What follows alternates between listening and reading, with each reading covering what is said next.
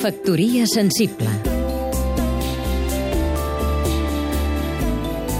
Núria Amat, escriptora Enmig del desastre econòmic i social que ens toca viure, benvinguda la normalitat cultural conseqüent a la decisió de l'Institut Ramon Llull de convidar al Saló del Llibre de París, que celebra aquests dies, a 13 escriptors catalans que escriuen en català i a 7 catalans que escriuen en castellà. Tot i en Barcelona la ciutat convidada, la decisió senta un precedent pel país, dues llengües. I parlo per experiència pròpia.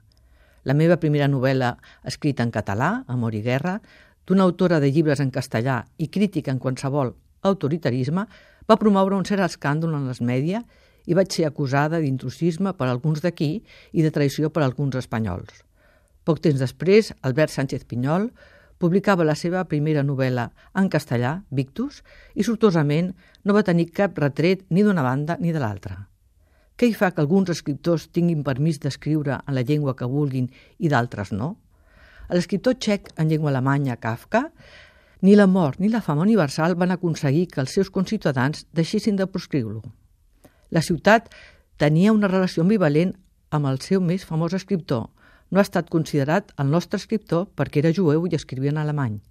I el seu biògraf apunta que en l'edició txeca de Who is Who el seu nom no apareix i només ara, a l'any 2006, la seva obra completa es publica en traducció txeca. No cal dir que avui Kafka és la primera marca cultural de Praga. Esperem que la decisió multilingüista de la Llull perduri i no es quedi només en una distracció política. Factoria sensible Seguim-nos també a catradio.cat